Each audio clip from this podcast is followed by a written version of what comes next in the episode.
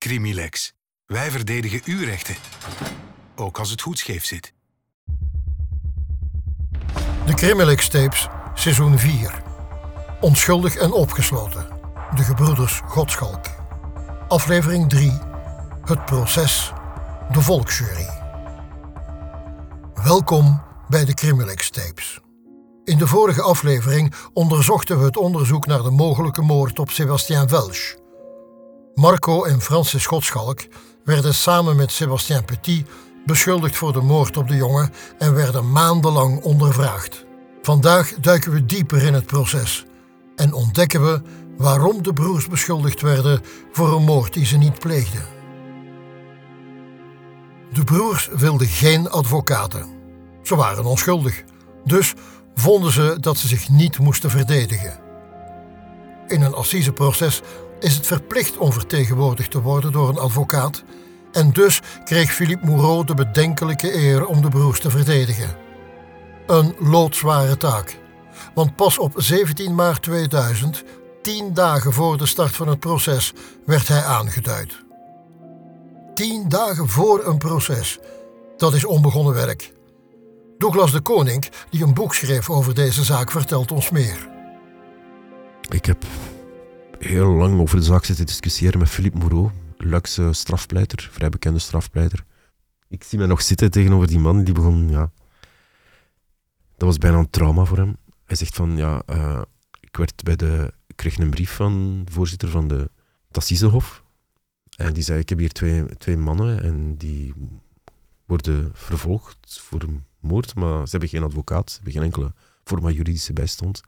Jij wordt gevorderd als advocaat. Ja, dat is, betekent dat je, dat je als advocaat aan het eh, minimumtarief iets moet gaan doen dat je eigenlijk eh, zelf niet voor gekozen hebt. Um, hij heeft dan een afspraak vastgelegd met Francis Schotschalk. Dus kom naar mijn kantoor. Francis komt niet opdagen. Ik krijg die Francis wel even aan de lijn. En Francis zegt van, oh meneer, maak u geen zorgen. Dat is hier uh, de makkelijkste zaak ooit. Je moet daar zelfs geen moeite voor doen. We hebben dat niet gedaan. We gaan automatisch vrijgesproken worden. Dat is zijn opvatting.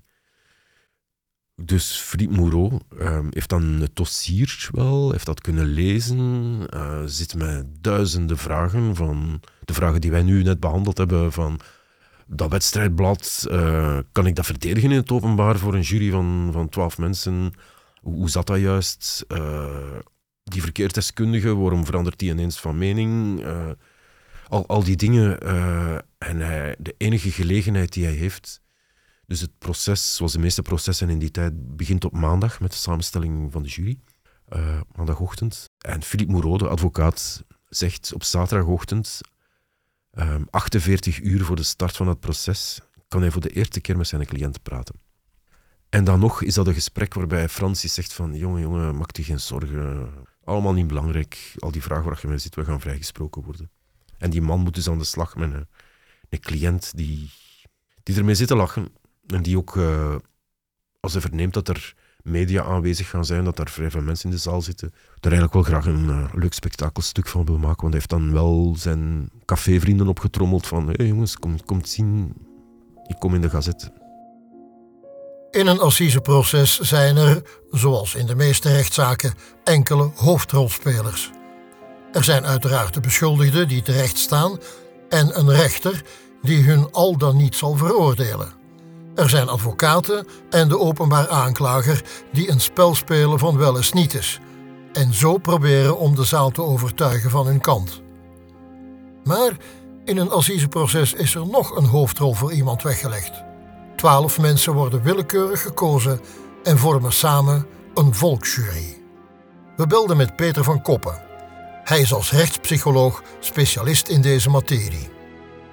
Maar het, het, heeft iets, het, het, heeft iets heel raars. Er zijn echt hele goede argumenten tegen de jury. Je ziet dat uh, bij jullie is maar een heel beperkt aantal zaken, een stuk of 50, 60 of zo per jaar.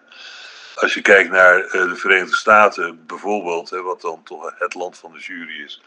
Uh, in, midden, in, 19, in, in het midden van de 19e eeuw gingen, gingen de meeste zaken naar de jury, de meeste strafzaken. Dat is steeds minder geworden en, en nu is dat nou zeggen ze 3% van de zaken. Dat zijn dus per definitie de ingewikkelde gevallen.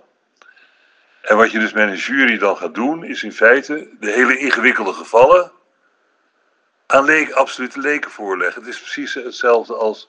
Uh, we hebben een, een, een, in, het, ziekenhuis staat een chirurg met een patiënt op de operatietafel. En denkt: verdorie, dit is wel een heel ingewikkeld geval. Weet je wat? Ik loop naar buiten en vraag twaalf willekeurige voorbijgangers of zij voor mij die operatie willen doen. Dat is nou wat je namelijk in feite met een jury doet. En uh, dat, dat zie je dus ook bij een hoop uitkomsten. Criminelijk strafrechtadvocaten Christophe Biele en Bart Vosters vertellen ons waarom een volksjury belangrijk is in een assiseproces en hoe zo'n jury wordt samengesteld. Zowel het Openbaar Ministerie als de advocaten van de verdediging hebben de mogelijkheid om een jurylid te wraken. Klinkt heel lelijk. De procedure is nog lelijker dan dat, want er mag zelfs niet worden bijvermeld waarom iemand gevraagd wordt. Dus die krijgt eigenlijk alleen dat woord te horen. Waarom doet men dat? Men doet dat vanuit een idee over wat een ideale jury zou kunnen zijn, gelieerd aan de zaak waarover het gaat. Passionele partnermoord, een roofmoord, verzin maar verder. Men kan dan vertrekken vanuit een beeld van welke ideeën men liever niet in de jury heeft en welke misschien wel. Heren, dames, uh, hoogopgeleid, laag, eerder laag opgeleid, dat kan een idee uh, zijn over de samenstelling van de jury. Er zijn dan advocaten die er prat op gaan dat ze een voorafgaand onderzoek doen naar de achtergrond, en tegenwoordig op sociale media kan ik me daar iets bij voorstellen, naar de achtergrond van de mensen van wie ze de naam hebben gekregen, dat die mogelijk in een jury zitten. Ik denk dat dat uh, al te veel uh, psychologische onderzoeken zou vergen. Maar dat is de basis waarop het gebeurt. Het Openbaar Ministerie moet natuurlijk een bepaald aantal mensen sowieso wraken, omdat die een uh, strafrechtelijk verleden hebben dat verhindert dat ze in de jury zitten, terwijl ze toch op de lijst zijn gekomen van de mogelijke juryleden. En daarom, om die reden, moet het Openbaar Ministerie ook al wraken. Maar het Openbaar Ministerie vertrekt vanuit diezelfde ja, ingebeelde idee dat een ideale jury bepaalde profielen wel bevat en andere profielen misschien beter niet. Maar het is uh, geen echte wetenschap, nee, uiteraard. Voilà. Nu, ik kan misschien even toelichten hoe dat, dat uh, concreet in zijn werk gaat. Iemand uh, dat opgeroepen wordt om naar de zitting te komen, om mogelijk als jurylid uitgeloten te worden. Mensen moeten ook een bepaalde fiche invullen. Kan u lezen, kan u schrijven? heeft u bepaalde bezwaren waarom dat u niet in de jury zou willen zitten?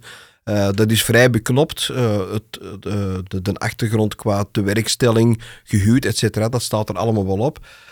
dus dat is eigenlijk het, het, vertrekpunt om te bekijken of dat iemand mogelijk al dan niet moet gevraagd worden. En aan de hand daarvan gaan we dan ook nog inderdaad een background check doen via sociale media, et cetera. Om inderdaad wel een beeld te krijgen van wie wat is. Dus op het moment dat de assiseprocedure begint, hebben wij al die namen geafficheerd, zal ik zeggen. We hebben die uh, al dan in een digitale vorm bij ons. Mensen worden opgeroepen, wij kijken snel op de fiche, staat er iets op. Er zijn mensen die ik persoonlijk voordien meestal wel vraag. Onder andere mensen die op die fiche hebben aangegeven dat ze bijvoorbeeld omwille van een zelfstandige activiteit eh, geen tijd hebben.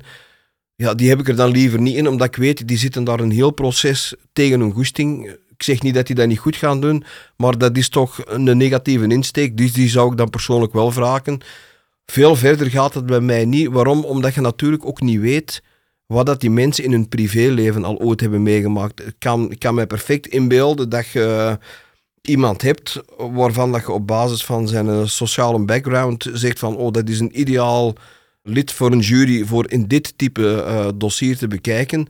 Maar als er iemand is die dat in zijn privéleven ik zal zeggen, zelf slachtoffer is van partnergeweld of die dat iets heeft meegemaakt met een ander familielid, ja, dan, dan kijken die er helemaal anders tegenaan. Die feiten weet je meestal niet, dat is één.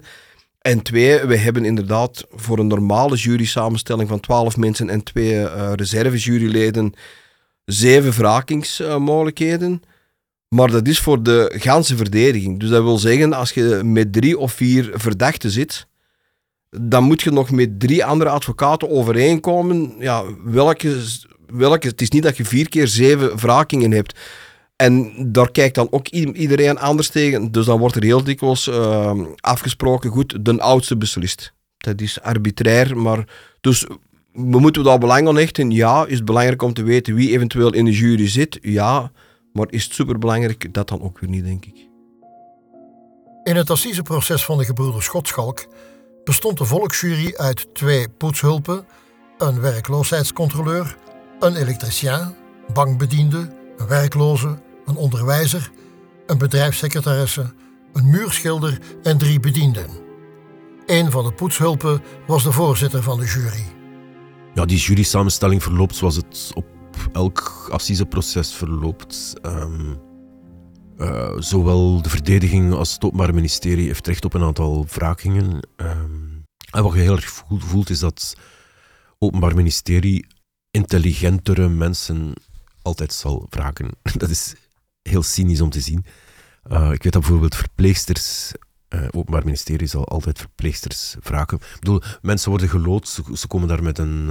Ik weet niet hoeveel er in dit geval waren, maar meestal zijn dat 40, 50 willekeurig geloten mensen. Die moeten daar dat uur zo laat, morgens de maandagochtend op het justitiepaleis zijn.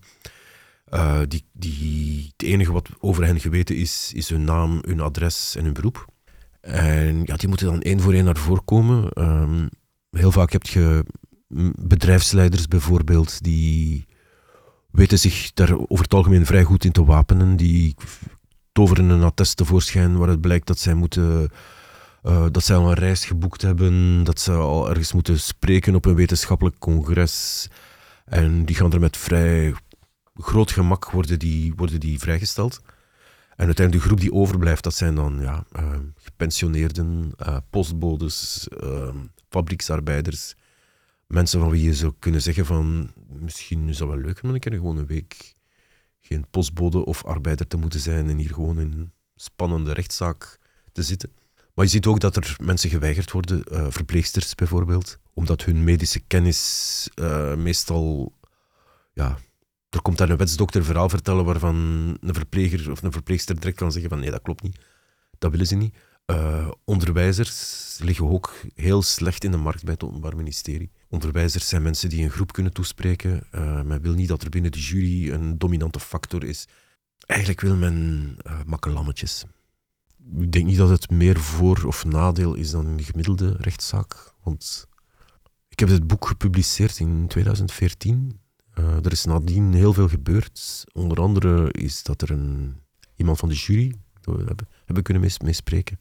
En dat werpt toch een nieuw licht op wat er daar toen op het fatale moment, moment is gebeurd. Dus die debatten gaan. De broers Schotschalk verdedigen zich niet. Ze hebben wel een, er zit daar wel een team van jonge advocaten rond die het dossier gelezen heeft, die heel veel kritische vragen stelt, die voldoende twijfel kan aanbrengen over dat verhaal van die, van, oh, die sofroloog, uh, uh, dat over het lichaam heen rijden. Uh. De openbaar aanklager in deze zaak was Marianne Lejeune. Zij was vastberaden om de jury te overtuigen dat de broers schuldig waren en greep alle middelen aan om haar gelijk te halen. Ja, wie is Marianne Lejeune? Uh, laat vooral duidelijk zijn dat zij niks te maken heeft met de wet Lejeune, die gedetineerden de mogelijkheid op vervroegde vrijlating toelaat. Nee, Marianne Lejeune is een soort, ja, er is ooit een biografie van haar verschenen waarin zij zelf zich erop beroemt dat niemand in heel België ooit zoveel jaren gevangenisstraf heeft bekomen als zij. Zij beschouwt zichzelf als een recordhoudster op het bekomen van niet alleen het hoogste aantal jaren gevangenisstraf, maar ook de laatste doodstraffen die in België zijn uitgesproken. Zij kikt echt op, uh, op dat cijfer. Ja, als je dat terugleest, dat um, requisitoor, uh, zet zij de broer Schotschalk neer als het, het slechtste wat er in de mensheid ooit ja, ze, ze, ze, zet hen bijna neer als, als, duivels. Het feit dat Francis heeft jaren voor dit allemaal heeft hij, heeft hij een auto gestolen. Uh, hij is ooit in een vechtpartij in een café terechtgekomen. Marco dan weer, die um, is een brave jongen. Alleen in de voetbal ja, een heel agressieve speler. Heeft ooit een, scheidsrechter de keel dichtgeknepen en in de kleedkamer aan de kapstok gehangen. Dat leest je allemaal terug in de requisitoor. Alsof dat alles verklaart. Alsof dat, ja, deze mensen zijn gewoon zo door en door slecht. En dat verklaart alles. Meer uitleg hoeft er niet te zijn. Dan halen ze daar een verhaal van een uh, eh, 17-jarige dochter van een trainer bij. En uh, dat moet het dan maar allemaal verklaren. Het was een complexe zaak. En de jury stond voor een moeilijke beslissing. Want in het dossier zaten enkele tegenstrijdigheden. Maar die werden over het hoofd gezien. Want stond er in de originele verklaringen van de wetsdokter en de verkeersexpert niet dat het volgens hen onmogelijk was dat er überhaupt een auto bij het ongeval betrokken was? En dus voor mij een hele belangrijke, als ik het dossier lees, uh, je hebt een verkeersdeskundige die de plaats van de feiten heeft onderzocht. Je hebt een medische deskundige, een, een wetsdokter, twee mensen met een enorme staat van dienst, uh, heel deskundig. Die komen allebei tot dezelfde conclusie. Uh, als hij wordt gevraagd, heeft daar een auto over dat lichaam gereden? Nee. Als er een auto over een lichaam rijdt, dan ziet je dat aan dat lichaam. Die zeggen nee, dat is zo niet gebeurd. Er is op een gegeven moment ook een reconstructie gehouden met uh, Sébastien Petit, de twee verkeersdeskundigen. Die zeggen allemaal van nee, zoals die jongen dat hier in zijn verhoor heeft verklaard, zo is het niet gegaan. Zij blijven bij het meest waarschijnlijke scenario is, het dodenspel. Of misschien is inderdaad is er een achtervolging geweest met een auto, maar uh, het feit dat er iemand opzettelijk nog eens over die lichamen heen gereden heeft, nee, dat, zo is het niet gegaan. Maar dan kom je in, de, in ja, de dag na de Witte Mars, uh, heb je daar een onderzoeksrechter die een, een, een, uh, een, een brief stuurt naar de verkeersdeskundige met heel suggestieve vragen van kunt u voor 100% uitsluiten dat? En in plaats van wat heb je vastgesteld, wordt de vraag van kunt je voor 100% uitsluiten dat? En dan gaan die verkeersdeskundigen meegaan in de flow en zeggen nee, we kunnen natuurlijk niet voor 100% uitsluiten dat. En zo krijgt het dossier vorm, krijgt de vorm van een aanklacht. Uh, de feiten dateren van september 1992. We gaan dan acht jaar later naar een assisenproces, waar de, de broers en Sébastien Petit worden beticht van, van moord. De broers maakten tijdens het proces geen goede indruk. Francis was gekleed in een gele parka, Marco had een trainingspak aan. Sébastien daarentegen zat strak in het pak en kwam zelfverzekerd over. Francis en Marco zijn niet aangehouden, ze lopen vrij rond, maar ze worden wel op vrijdagavond uh, gearresteerd. Met het, om zeker te zijn dat ze zullen, aanwezig zullen zijn in, in, in, in de rechtbank. Dus ja, je hebt die iconische foto van de ene in zo'n trainingspak, de andere met een gele parka. Uh, dat zijn blijkbaar de outfits waarmee dat ze hun laatste avond op café hebben gezeten, nog veel pintjes drinkend, wetend dat de politie hen gaat komen aanhouden. En uiteindelijk worden zij inderdaad aangehouden, in een politiecel ondergebracht. En Philippe Moreau, de advocaat, zegt op zaterdagochtend, um, 48 uur voor de start van het proces, kan hij voor de eerste keer met zijn cliënt praten. En dan nog is dat een gesprek waarbij Francis zegt van jongen, jongen, maak je geen zorgen. Allemaal niet belangrijk. Al die vragen waar je mee zit, we gaan vrijgesproken worden. Wat er ook heel treffend is, is dat je de krantenknipsels van, van toen terugbekijkt. Um, ga je zien dus dat die journalisten, de lokale journalisten in Luik, uh, heel veel lol beleven aan het feit dat daar ineens, een, wat ze nog nooit hadden gezien, een, een jonge politievrouw met een, uh, een grote Mechelse herder naast de beklaagde bank staat die gaat er heel dat proces blijven staan. Uh, alsof van wij moeten, wij moeten hier met een hond klaar, een gevechtshond klaar zijn voor als een van die broers uh, agressief gaat doen. Dat was nooit vertoond in, in dat seasonzaal in Luik. Maar, uh... De broers werden schuldig bevonden en werden veroordeeld tot 15 jaar celstraf voor Francis en 20 jaar voor Marco. Ze hebben deze straffen tot de laatste dag uitgezeten. Volgens Douglas de Koning was de strafmaat echter overdreven. Zij voelt ook aan dat, dat dit proces in haar nadeel aan het uitdraaien is. En dus op het moment dat de schuldvragen moeten, moeten worden geformuleerd, gaat zij op het allerlaatste moment een schuldvraag toevoegen. Dat is, de eerste vraag is, is uh, Marco Godschalk schuldig aan doodslag met voorbedachte raden? Uh, zo lijst, het lijstje klassieke schuldvragen bij, bij moordzaken. Maar ze gaat een derde vraag toevoegen. Is Marco, is Francis, Sébastien Petit schuldig aan het, uh, het, hinderen van het verkeer? Zij brengt eigenlijk die jury in een situatie van, oké, um, het was geen moord. Er is wel iets gebeurd, we weten niet precies wat.